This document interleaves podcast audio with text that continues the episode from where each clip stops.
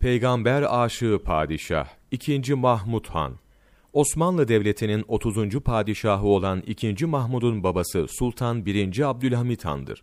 2. Mahmud Han'ın ilmi fazla olup dini, fenni, teknik, askeri, idari ve sanat sahalarında kendisini çok iyi yetiştirmişti. Dindar, akıllı, zeki, çalışkan olup gayret ve azim sahibiydi.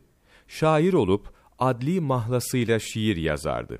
İlim, sanat adamlarına ve eserlerine çok alaka gösterir, onlara kıymet verip himaye ederdi. Ülkenin imarına, ilim, sanat, hayır ve sosyal müesseselerine önem veren 2. Mahmud Han, Bayezid Yangın Kulesi, Unkapanı Azap Kapı arasındaki Mahmudiye Köprüsü, Beylerbeyi ve Çırağan Sarayları, Tophane'de Nusratiye, Bahçekapı'da Hidayet, Üsküdar'da Adliye, Arnavutköy sahilinde Tevfikiye camileri gibi pek çok eser yaptırdı. Hazreti Halit radıyallahu anın türbesini mükemmel tamir ettirip iyi bir hattat olduğundan sandukası puşidesi üzerindeki yazıyı kendi el yazılarıyla yazdı. Tophane'de Kadiri Camii ve tekkesini tamir ettirdi. İkinci Mahmud Han'ın 1820 senesinde Hücre-i Saadet'e hediye ettiği Şam'danla birlikte gönderdiği aşağıdaki yazı, Osmanlı sultanlarının Resulullah sallallahu aleyhi ve selleme olan hürmet ve muhabbetlerinin bir vesikasıdır. Şam'dan ihtaya eyledim cüret ya Resulallah.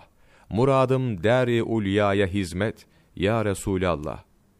Değildir ravdaya şayeste, destavizi kabulünle kıl ihsanu inayet ya Resulallah.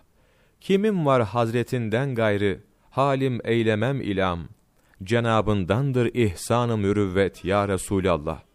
Dahilek el eman, sadel eman, dergahına düştüm.